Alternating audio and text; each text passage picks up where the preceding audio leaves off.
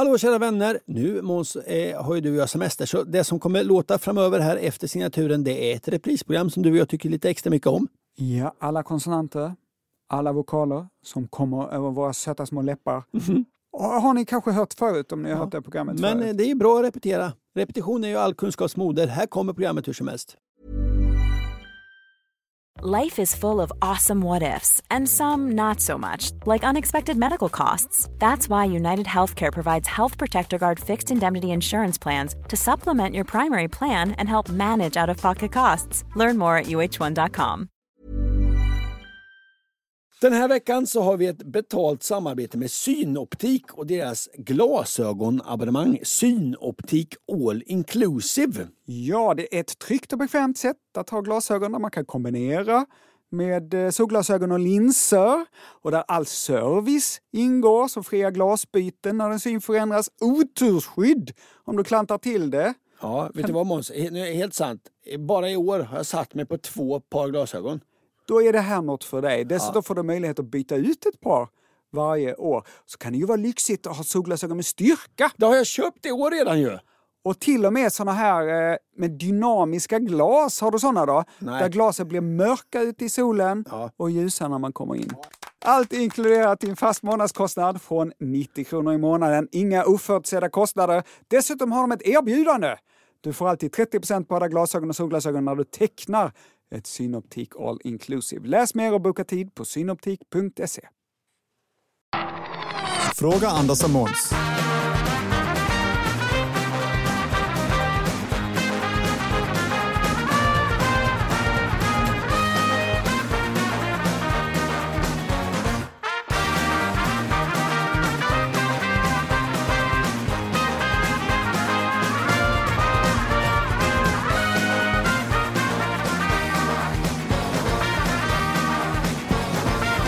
Vad roligt det är att få säga varmt och hjärtinligt välkomna till podden Fråga Anders och Måns, podden som svarar på lyssnarfrågor. Jag heter Anders Johansson, mitt emot mig underbara. Måns Nilsson. Jag bar emot att säga mitt eget namn när det skulle vara att jag var den underbara. Jaha, du tyckte inte att det passade dig? Jag tycker att du är underbar Måns. Ja. Ja. Anka Johansson, Ja. du har köpt nya progressiva glasögon. Jaha. Du har inte på dig dem. Du ska läsa i papper. Va- Varför har du inte på? De, Jag, har, jag, har, jag har inte vant mig riktigt vid det här systemet än. systemet att... Eh, vinkla huvudet ut efter vad jag ska titta. Nej, det, är, det är inte så jävla lätt med progressiva glasögon kan jag säga. Att du ska titta neråt när du ska läsa. Ja, ja. det här är svårt. Ja, Men, men nu sätter du på dig dem och du Ja. känner dig påkommen. Ja, ja. Om du har betalat så dyrt för dem så får du fan använda Ja. dem, tänkte du. Ja, ja. Får se hur det går idag med sluddrandet Ja, ja, när du ska har de nya läsglasögonen på Ja, dig. mina nya progressiva glasögon. Ja, just det. Just Ja. det. Vad har hänt sen sist?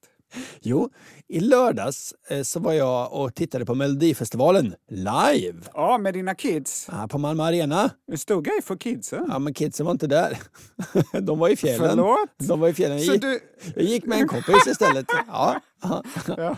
Ja, Jag skulle ju ha varit med och gjort ett litet nummer men det blev struket och som Just plåster det. på såren då så fick jag eh, biljetter. Ja. Oj, oj, oj.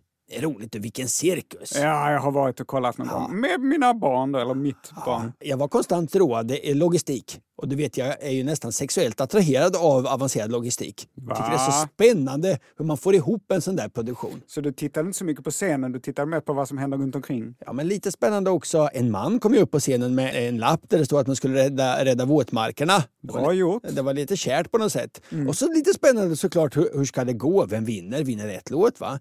De här platserna, de kostar eh, ja, men cirka tusen spänn. Ja, det är ganska eh, dyra biljetter tycker jag. Ja. Men det är ju roligt. Men jag vill ändå sätta det lite i relation. För i förrgår så skulle jag anmäla min yngsta dotter till ridläger. Inte så spännande tänker du? Ja, de här platserna till ridläger de är eftertraktade alltså. Jaha, Det finns fler som vill gå på ridläger än det finns platser. såklart. Klockan sex så släpptes platserna. Och då anmäler man sig genom att skicka ett mejl. Alltså platserna delas sen ut i den ordning som mejlen kommer in. Och det går inte att skicka mejlen förrän klockan sex. Okej. Mm. Jag skrev upp datum, satte ett alarm. Noga, noga, noga nu.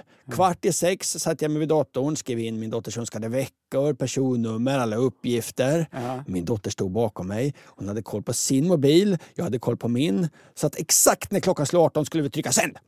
Ja. En minut innan 18.00 inser jag, shit, Jag har inte uppdaterat min webbläsare sedan jag öppnade datorn. Och när jag inte har gjort det så kan det hända att det visar sig liksom när jag trycker på sänd att jag är utloggad. Nämen! Ja, ja, ja. Nu är det bråttom. Ja, men stackars din dotter! Ja, jag tryckte på uppdatera. Nej! Jag är utloggad, måste logga in, 15 sekunder kvar. Mm, Mejlet är borta, skrev snabbt som fasen. Nästan i, i, i form av liksom förkortningar ett nytt mejl. Mm, Mm, Klockan slår över till 18.00. Min dotter står bakom min rygg och skriker No! Shit, shit, jag är inte klar! Hon skriker igen No! Jag får iväg mejlet. Och vad är klockan då? Sex sekunder över 18. Sex sekunder? Sex sekunder för sent. Jag kanske brände det. Sommarens roligaste grej. Vilken jävla ap-pappa! Spännande. Va? Men jag har inte fått besked alltså om hon får gå på ridläget eller ej. Kom i morse. Kom det i morse? Vi fick en plats. Ja. Men spännande! Jo! Ja, våtmarker och melodifestival. Ganska spännande. Ridlägeranmälan. Gastkramande. Ja, så det var lite vad som har hänt mig i veckan. Vad har hänt dig Måns? Jag har börjat med en diet. Nej. Jo. Det är inte LCHF. Nej tack. Det är inte 5.2-dieten. Är det Atkins? Det är inte stenålderskost. Nej, nej, nej. Min diet heter realisationskost. Är detta något du har hittat på själv eller? Ja, det har ju blivit så jäkla dyrt med viss sorts mat. Har du märkt det? Ja, herregud. Tomater, 100 kronor kilot kanske. Paprika, schmoo och dyra. Herregud. Visst, jag kan betala 25 kronor för en gurka, Ja, men jag vägrar. Jag gör det inte. nej. Det är inte pengarna, Johansson. Nej. Det är principen.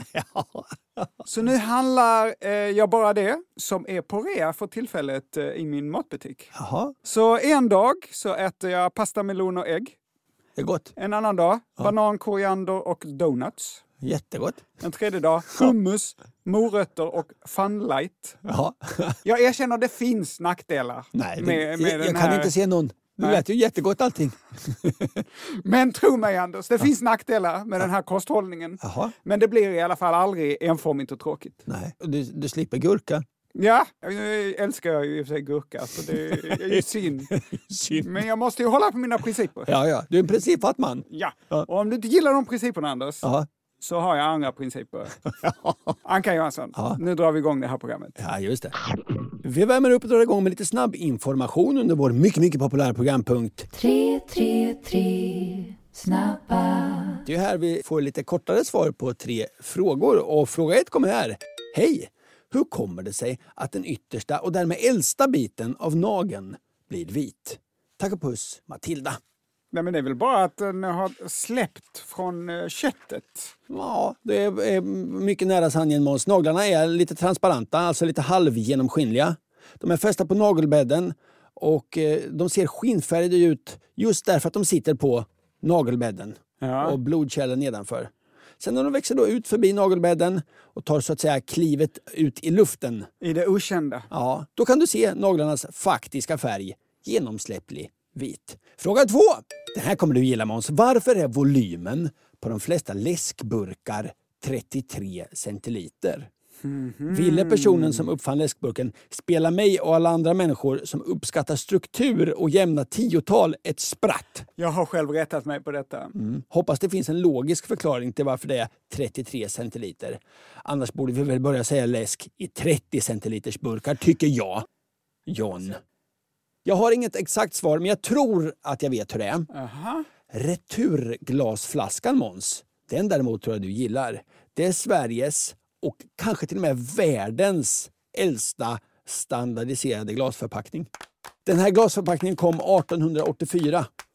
Alltså äldre än Boogie Woogie. Oj. Ja, då 1884 så kom den här glasflaskan i tre varianter.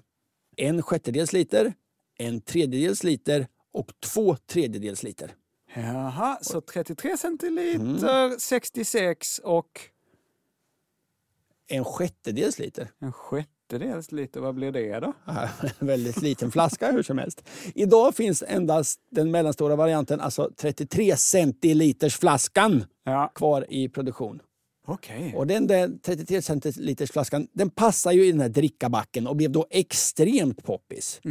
Drickabacken för övrigt den försvann ju för bara några veckor sedan. Va? Ja, finns inte i systemet. Det systemet är nedlagt för bara några veckor sedan. Nej, men hur, hur ska man då återvinna de här glasflaskorna? Nej, man tror nog att glasflaskorna kommer försvinna faktiskt. Då gissar jag hur som helst följande. När man började tillverka plåtburkar, det var inte förrän 1955, alltså 80 år efter den här underbara glasflaskan dök upp. Då ville man ha samma volym som i den tidigare enheten, det vill säga 33 Ah, centiliter. Jag förstår. Nu har man inte 33 centiliter som standardläskburk i hela världen. De flesta länder i Europa har 33 centiliter. Indien 25 centiliter. Nya Zeeland och Nordamerika 355 centiliter. Just det. Ännu konstigare än 33 centiliter om man frågar mig. Det var några exempel. Nu kör vi fråga tre! Tjena Ason och Emson. Säg mig varför, stora bokstäver på varför, hickar man som en stora bokstäver också på GNU när man har druckit alkohol? Hickar som en gnu. Mm. Gnun har ju fått sitt eh, namn efter sitt läte, det minns du? Att gnun låter lite så. Gna, gna. Ja. Men du, eh, jag känner inte alls igen mig i frågeställarens beskrivning här. Jag hickar inte när jag har druckit alkohol. Det är ganska vanligt att man hickar av alkohol, Måns. Mm. Det finns ju många anledningar till att man hickar. Det har vi pratat om, Måns. Man kan ha skrattat för mycket, man kan ha andats in kall luft. Det kan vara att man är nervös. Man kan ha ätit en morot. Ja, hickan kan också vara helt spontan. Den bara kommer. Kryddstark mat kan också få en att hicka. Men varför hickar man då av alkohol? Det var ju det som var frågan Måns. Mm. Det är ren kemi. Alkohol det irriterar diafragman. Du dricker, diafragman blir irriterad, har dragit ihop sig och så börjar man hicka. Hur ska du bli av med hickan då Måns? Jag läser i Allas veckotidning. Det finns ingen vetenskapligt belagd metod för att slippa hicka. Jo, men man ska stå eh, på händer. Där har du likheten med tv-programmet Idol och hicka. Vadå? Det finns inget sätt att bli av med det. Ändå plötsligt en dag är den bara borta. Det Ja. var tre snabba. Jaha. Fiffigt, Anders.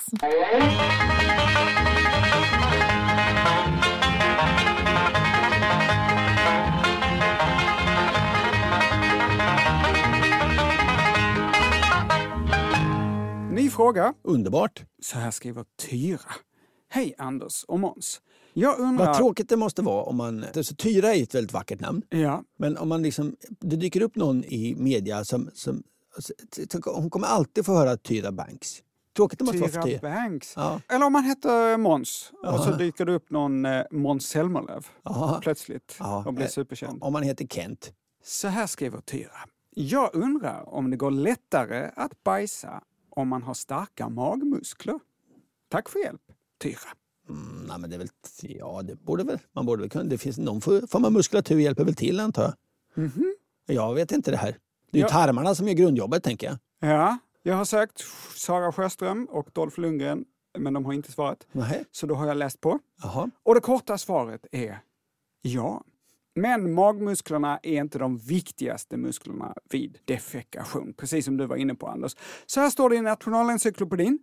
Muskelsammandragningar i tarmen och avslappning av inre och yttre slutmuskeln vid ändtarmsöppningen samverkar vid tarmtömningen. Ofta används också bukpressen för att hjälpa till genom kryssning. Vilken är nu bukpressen? Jo, det är ju där magmusklerna kommer in i bilden.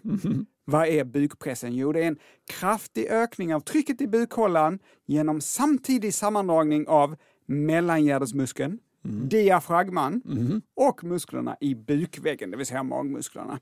Så att ha ett eh, sexpack, det kommer naturligtvis inte skynda på matsmältningsprocessen. Nej. Men du kommer ha lite extra power, Tyra, vid själva tarmtömningen. Vilket kan göra skillnad kanske framförallt eh, om ens avföring är typ 1 eller typ 2 på Bristolskalan. Det vill säga om man är aningen förstoppad. Ja, första gången tror jag någonsin vi nämner eh, diafragman två gånger så här kort in i programmet. Ja, Det är kul. härligt! Vi går vidare. Pling, pling, pling. Åter, åter, Återkoppling. åter, pling, pling. Då är det dags för återkoppling och jag har fått skäll, Måns. Förra avsnittet, eller för förra avsnittet så pratade jag om tritonus. Alltså det tonintervall som sägs ha varit förbjudet för att det tillkallade djävulen. Det var ju inte sant. Tritonus det har aldrig varit förbjudet, varken av stat eller kyrka.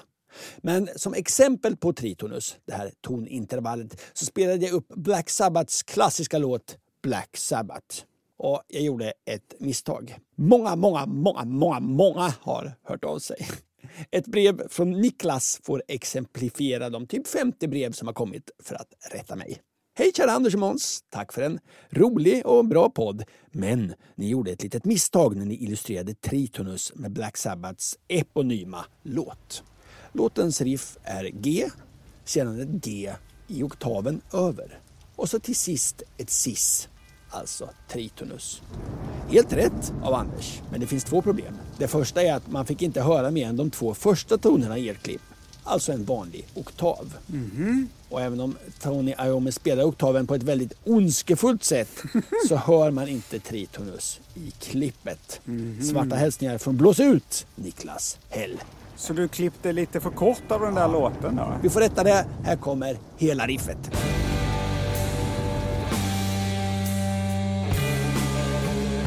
Ont!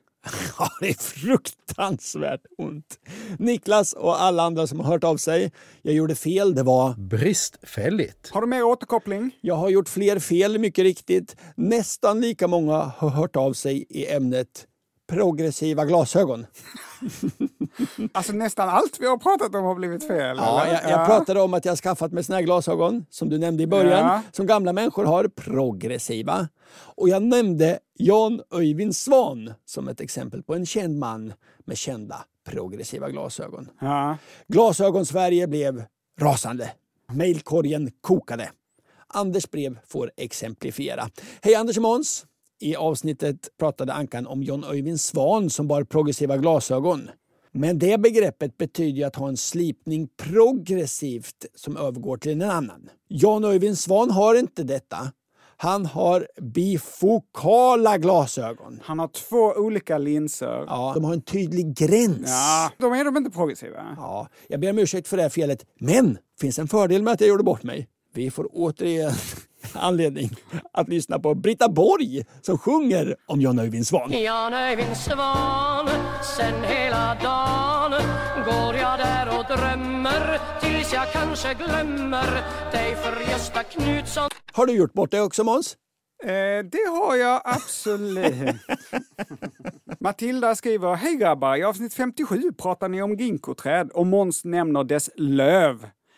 Dessa är dock inte löv utan barr. Hjärtinnerliga hälsningar Matilda. Ja, var det allt hon skrev? Ja. Oj. Om du som lyssnar undrar om vi redan svarat på frågan som du tänkte skicka in, eller om du vill höra ett inslag igen, så finns det en förteckning i vår Facebookgrupp Fråga Anders och Måns. Det är framförallt Emil som gjort den här förteckningen och nu har han skrivit lite återkoppling till oss. Hej Lubbe och Moppe. Jag har försökt hålla mig, men nu går det inte längre. När jag för andra gången på ganska kort tid lyssnar igenom de senaste avsnitten för att föra in dem i dokumentet om innehållet i alla avsnitt Ja. så knyter det sig i matematiklärarmagen. Aj då. När Anders pratar om myndighetsålder säger han upprepade gånger siffran 18. Siffran 18. Jag måste få förtydliga Ja. Att 18 inte är en siffra Det är ett tal. utan ett tal Ja. som består av två siffror. Vi har tio siffror från 0 till 9 och av dessa kan man bilda oändligt många tal. Till exempel myndighetsåldern 18. Med vänlig hälsning Emil. Ja, här var jag igen som gör bort mig. Ah, Underbara lyssnare vi har. Ja, tack så hemskt mycket. Vissa av er är lite noga med, med detaljerna, men det är precis så det ska vara. Ja, så ska det vara. Det- rätt Absolut. ska- rätt Applåd till er, här kommer den. Vi går vidare. För några avsnitt sedan så pratade jag om biologisk systematik och nämnde att stora delar av den här hierarkin håller på att skrivas om. Detta eftersom man förr i tiden klassificerade djur och växter utifrån hur de ser ut. Och gissa lite. Ja, medan man nu istället gör DNA-analyser. Man kan inte nog många gånger nämna Linné, även om det blev mycket fel. Man måste ju ändå berömma en man som tar på sig, jag ska, jag ska liksom klassificera alla djur och alla växter. Ja, Då skaffar man sig eh, något att göra. Ja, men det gick ju snett många gånger har vi, har vi märkt nu. Djur och växter som man inte trodde var släkt har visat sig vara det. Och tvärtom. En som forskar på det här är Per Ahlström, fågelforskare och professor vid Uppsala universitet. Välkommen till podden Per! Tack så mycket. Stämmer min beskrivning? Är det omvälvande tider när det gäller fåglars systematik? Ja, det är det verkligen får man säga och det har hållit på under ganska många år nu den här omvälvningen. I och med att man började studera fåglar med hjälp av DNA-analyser så har man kommit till många väldigt häpnadsväckande resultat. Berätta, har du något exempel på fåglar som man trodde var släkt men som har visat sig inte vara det? Ja, det finns massa sådana. Ett väldigt eh, spännande exempel är ju att man tidigare ansåg att falkar och hökar var nära släkt med varandra. De är båda rovfåglar, de liknar varandra mycket till utseendet, de lever på samma sätt. Men det har visat sig att de är inte alls nära släkt med varandra utan falkarna är faktiskt närmare släkt med småfåglar som till exempel gråsparvar, talgoxar och koltrastar än hökar. Jaha. Men du, så läste jag något om rödhaken. Att vår Mm. eh, rödhake som finns i hela Europa och ner till norra Afrika och också finns i Japan, eh, inte längre finns i Japan. Nej, precis. Därför att det finns vad man tidigare kallade för en japansk rödhake som man numera kallar för japansk näktergal som är väldigt lik vår rödhake. Men de är inte nära släkt med varandra utan det är precis som med falkar och hökar ett exempel på vad vi kallar för konvergent evolution.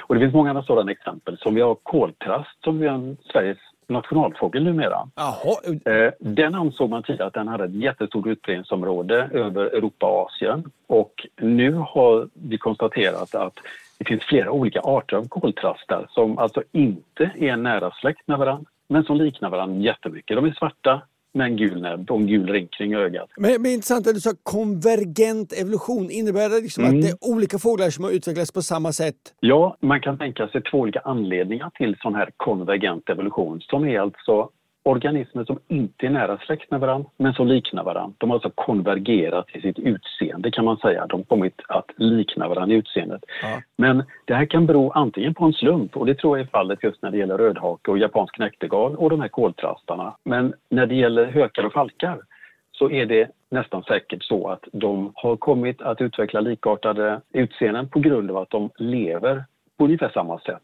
Båda är ju rovfåglar. De, de måste kunna snabbt flyga i kapp ett byte och fånga det. De måste ha en kraftig näbb för att kunna sönderdela bytet, kraftiga klor för att hålla fast det.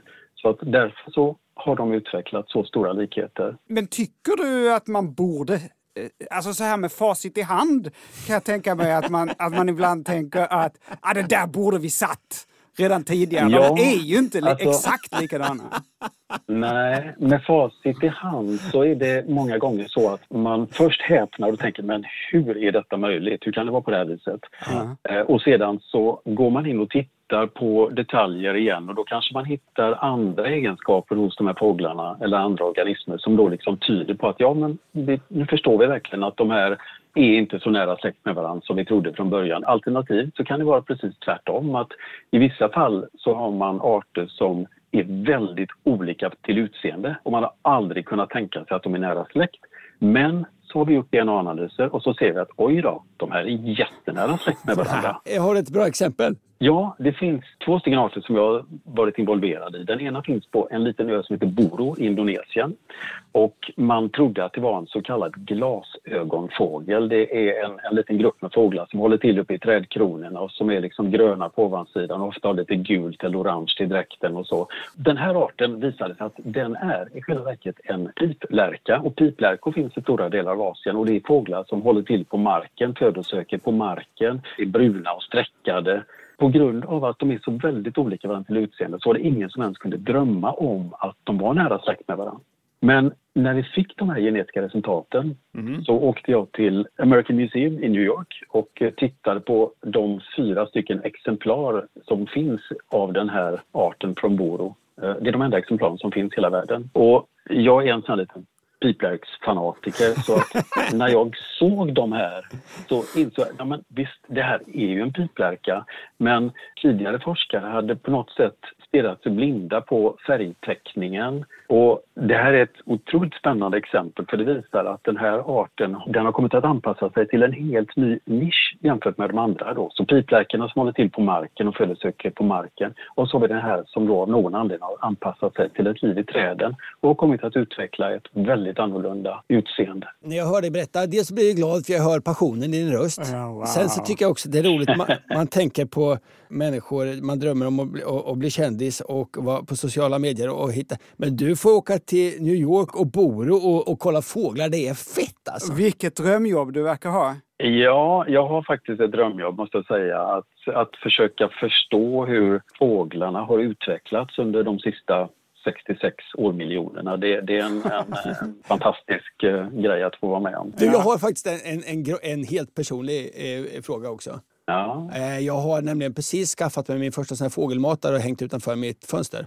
Mm. Ska vi inte bestämma du och jag nu att blåmesen måste byta namn? Den är ju gul.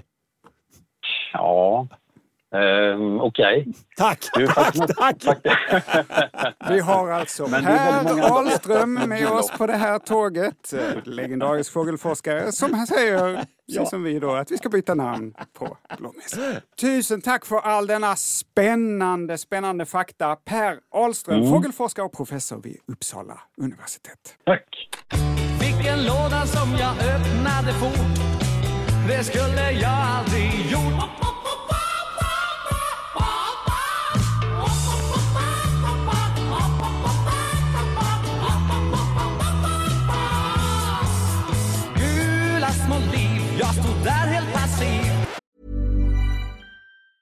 Hey, I'm Ryan Reynolds. Recently, I asked Mint Mobile's legal team if big wireless companies are allowed to raise prices due to inflation. They said yes. And then when I asked if raising prices technically violates those onerous two year contracts, they said, What the f are you talking about, you insane Hollywood ass?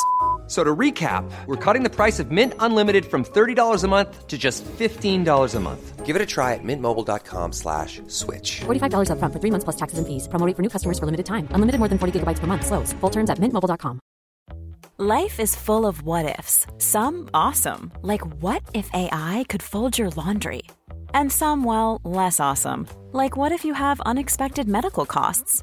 United Healthcare can help get you covered with Health Protector Guard fixed indemnity insurance plans. They supplement your primary plan to help you manage out of pocket costs. No deductibles, no enrollment periods, and especially no more what ifs. Visit uh1.com to find the Health Protector Guard plan for you. Quality sleep is essential. That's why the Sleep Number Smart Bed is designed for your ever evolving sleep needs. Need a bed that's firmer or softer on either side? Helps you sleep at a comfortable temperature? Sleep Number Smart Beds let you individualize your comfort so you sleep better together. JD Power ranks Sleep Number number 1 in customer satisfaction with mattresses purchased in-store. And now, save 50% on the Sleep Number limited edition Smart Bed for a limited time. For JD Power 2023 award information, visit jdpower.com/awards. Only at a Sleep Number store or sleepnumber.com. Måns, nu får du hålla i dig. Luta dig tillbaka, ta ett djupt andetag för nu ska jag mm. prata alldeles, alldeles för länge om ett uttryck. Ett uttryck. Ja, ett engelskt uttryck. Handlar det om språk? Ja. Språk! Hej Anders och Måns. Jag undrar var uttrycket “saved by the bell” kommer ifrån. Någon sa en gång att man begravde människor med en klocka i ett snöre så att de skulle kunna ringa och bli uppgrävda om de inte var riktigt döda. Saved by the bell. Wow. Stämmer verkligen detta? Vänliga hälsningar Maria i Göteborg. PS. Jag trodde jag tyckte mest om Anders, men nu tycker jag mest om Måns. Det vände efter Antikrundan. Men jag tycker fortfarande om Anders mycket. DS. Jaha. Ja. Det, det, där ser man. Det kan jag säga till dig Maria. Mig har jag mer än nog av, så jag tycker också mest om Måns.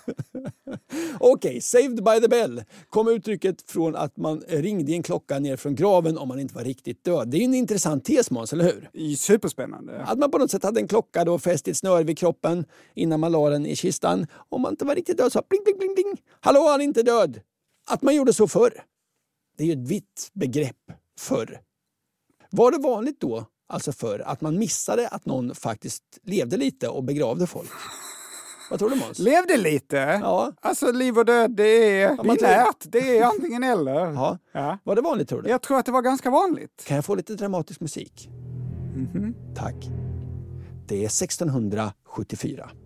Alice Blunden har druckit rikliga mängder vallmote som bespetsats med kodin och morfin. Hon är helt borta. Hon dör. En överdos. Hon dödförklaras av läkare. Hon begravs.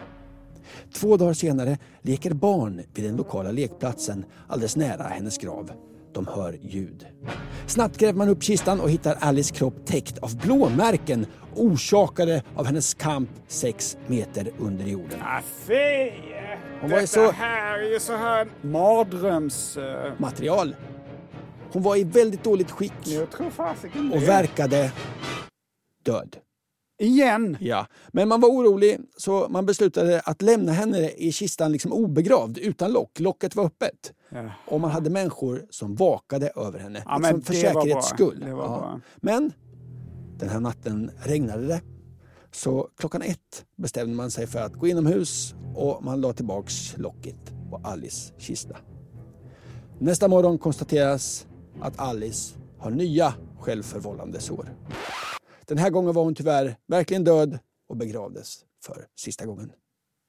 Ja, men vilka klantskallar! Det är 1674, en historia. Är den helt sann? Kanske, troligtvis, kanske lite hörsägen. Man vet inte. Det kan vara sant. Men det här var ju länge sedan. Sånt händer väl inte numera? Vi behöver väl inte vara oroliga Måns att man missar någon, att någon är död? Vet du vad? Ja. Jag tror fortfarande att det händer eh, hela tiden. Fagliu Muk Mahetsiano. Det är ett helt omöjligt namn det här. Det är i alla fall Fagliu Mukhametsyanovs från Kazan i Ryssland. Kazan? Ja, Kazanstaden Kazan i Ryssland. Okej. I den staden Mm. så är nog det där namnet inte helt omöjligt. Nej, men för mig som uppvuxen på Östgötaslätten, helt omöjligt. Ja. Ja. Hon kollapsar hemma i sin eh, ryska stad efter en hjärtattack. Det här är 2011, det är ganska nyss. Och hon dödförklaras. Några dagar senare ligger hon i sin sista på sin egen begravning, vaknar. Hon ser dem sörjande, gråtande, bedjande för henne. Men hon kvicknar till och förs tillbaka till sjukhuset där hon levde ytterligare 12 minuter. Sen dog hon en gång till. Ja, Mm. det är återkommande i dina historier att de dör igen. Det var 2011. Nu ska vi bege oss till 2014. Walter Williams från Mississippi dödförklaras. CNN rapporterar. Pappersarbetet slutförs. Hans kropp läggs i en kroppsvätska och han förs till en begravningsbyrå. När hans kropp förs till balsamerings... Förlåt, hans kropp läggs i en kroppsvätska.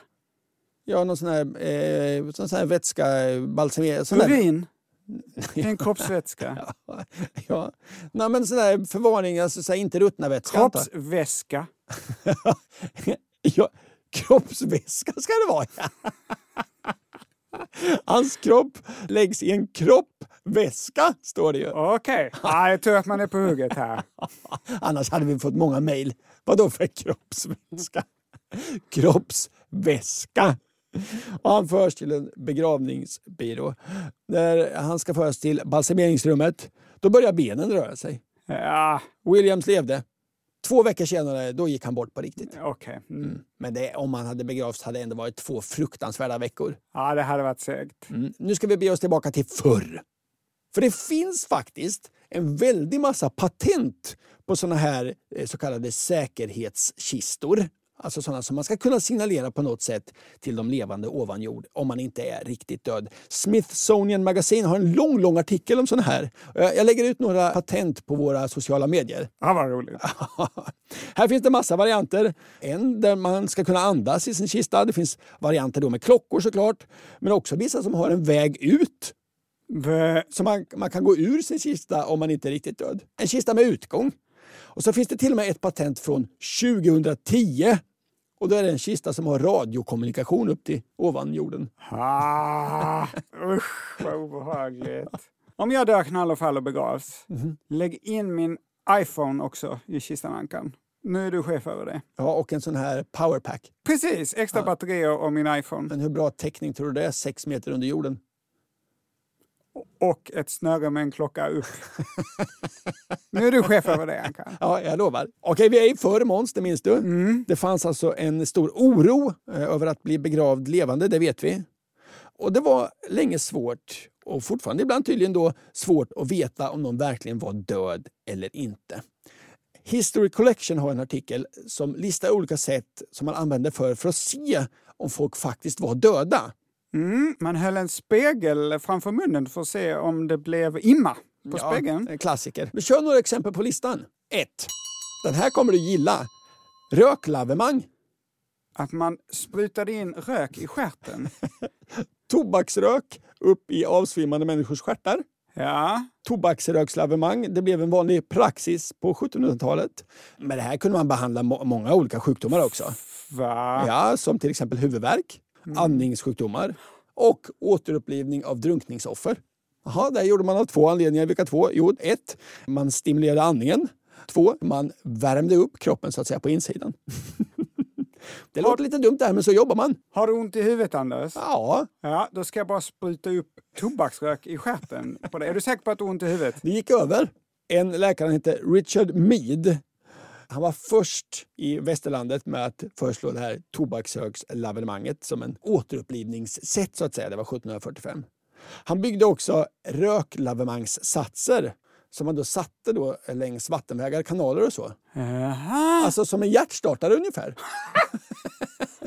så att man skulle kunna återuppliva människor som hade eh, råkat ut för drunkningstillbud. Man är på tunnelbanan, en man segnar ihop. Spring och hämta defibrillator! Ja, vi har ingen, men vi har en sån här röklavemangsmaskin. Vi tvingar in komprimerad tobaksrök i ändtarmen via en bälg.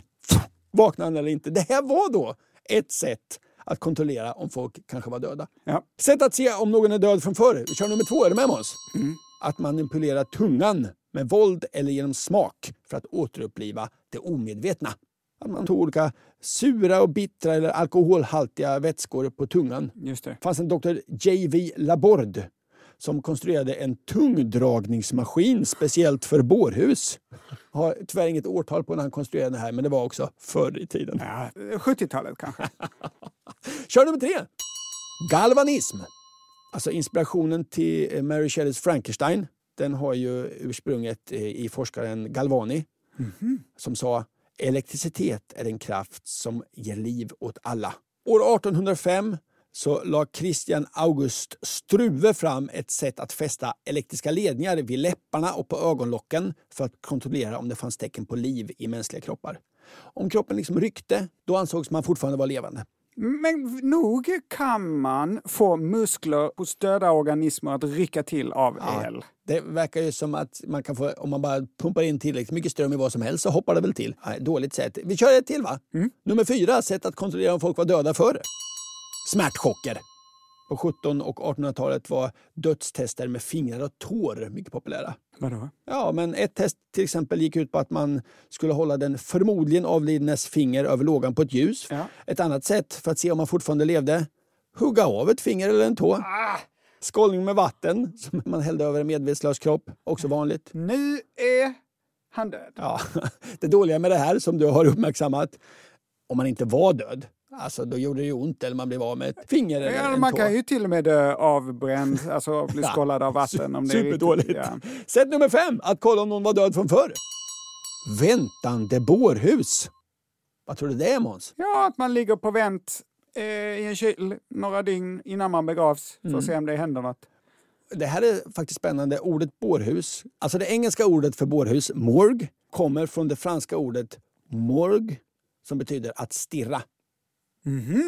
I slutet av 1800-talet så blev de här parisiska bårhusen nästan som underhållning. Nästan som att gå och se en teaterpjäs. En tråkig teaterpjäs. Ja, man kunde samlas för att kolla på oidentifierade kroppar som låg på plattor genom stora glasfönster så här. Aha. Medan man väntar på att se en glimt av någon som eventuellt rörde sig så kunde man köpa godsaker och bakverk. Va? Ja, det här slutar man med såklart. Nu har jag en riktig favorit på min lista över sätt att kolla om någon var död från förr. Är du med Måns? Sex. Likgaser avslöjas med osynligt bläck. Oj, oj, oj. Det var mycket att packa upp där. Likgaser avslöjas med osynligt bläck. Ja, vi börjar med osynligt bläck då. Ja. Det är ju en gammal grej det här. Det började man med för över 2000 år sedan. Det var grekerna och romarna. Plinius den äldre, minns du honom Måns? Nej. Det var han som skrev den här boken Natural History. I den boken där han påstår att älgar, han hade ju aldrig sett en älg, att älgar hade så lång överläpp så att de var Just tvungna att backa när de betar. Det kommer jag ihåg. Ja. Ja, han är en av de första som beskriver osynligt bläck, hur man gör det.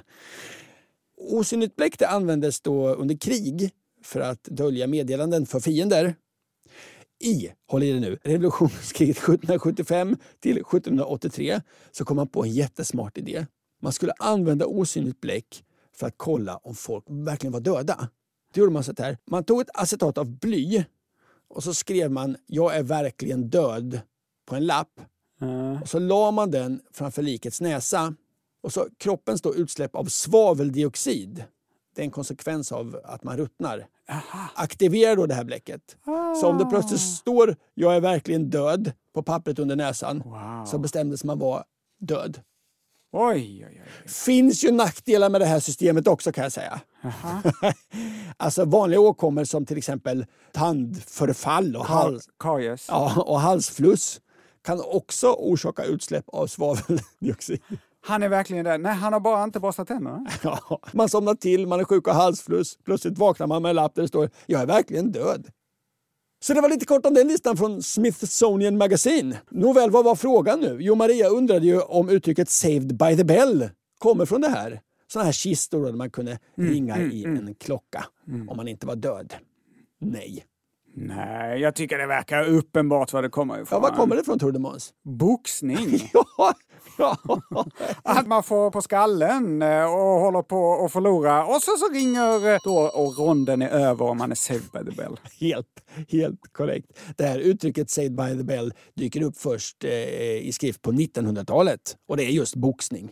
Tidigaste hänvisningen finns i Massachusetts. Ja, Massachusetts-tidningen. Massachusetts. The Fitch, Fitchburg Daily Åh. Saintel. Först var det Massachusetts och sen det Fishburg. Ja. 1893, då står det så här. Martin Flaherty besegrade Bobby Burns i 32 ronder. 32 ronder! Ja, genom en fullständig knockout. Ett halvdussin gånger räddades Flaherty av klockan i de tidigare omgångarna. Så Maria, Saved by the Bell, räddad av klockan, kommer från boxningen. Klockan som ringer ut varje rond. Jag sjunger varje dag Na-na-na De orden gör mig glad Na-na-na Lyssna på min sång Na-na-na Vi tar den än en gång Jag tänkte avsluta med en fråga som jag inte har lyckats hitta svaret på. Det är Galium Apparine som har skrivit så här. Hej Hoppe och Monko. Tack för en förträfflig podd. Varför sitter det i varenda Sara Bernhard en liten lapp med texten Sara Bernhard? Vad är Sara Bernhard? Det är en bakelse. Lappen är alltid vit med röd text och det är alltid samma typsnitt. Alltså samma lapp. Är det ett kriterie för att bakelsen ska få kallas just Sara Bernhard att det sitter en lapp? Det sitter aldrig lappar med texten biskvi på biskvier eller texten Budapest på Budapeststubbar. Vad är anledningen till Sara Bernhards särbehandling av Sveriges samtliga kaféer och konditorier? Vänliga hälsningar Galium Apparine. Vet du Ankan? Jag visste inte ens vad Sara Bernhard var. Då måste vi ta hjälp av våra lyssnare. Du som lyssnar, vet du det här? Varför har det blivit så här att det alltid ska sitta en lapp? Och vem är det som gör de där lapparna? Det är ju samma lappar på alla konditorier. Skriv till fraga snabela andersochmans.se. Och till den adressen Skriver också fler frågor så att vi kan svara på fler frågor i kommande program. Och vi är tillbaks redan nästa vecka. Då är det pausdags Måns. Den lite enklare varianten att fråga Anders och Måns. Mm, vi får Absolut. se. Vi hörs då. Tills dess, ha det bra. Puss.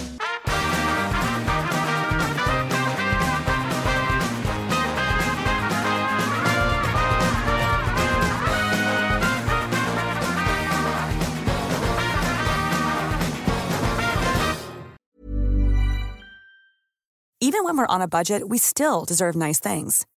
Quince is a place to scoop up stunning high-end goods for 50 to 80% less than similar brands. They have buttery soft cashmere sweaters starting at $50, luxurious Italian leather bags, and so much more. Plus, Quince only works with factories that use safe, ethical, and responsible manufacturing. Get the high-end goods you'll love without the high price tag with Quince. Go to quince.com/style for free shipping and 365-day returns.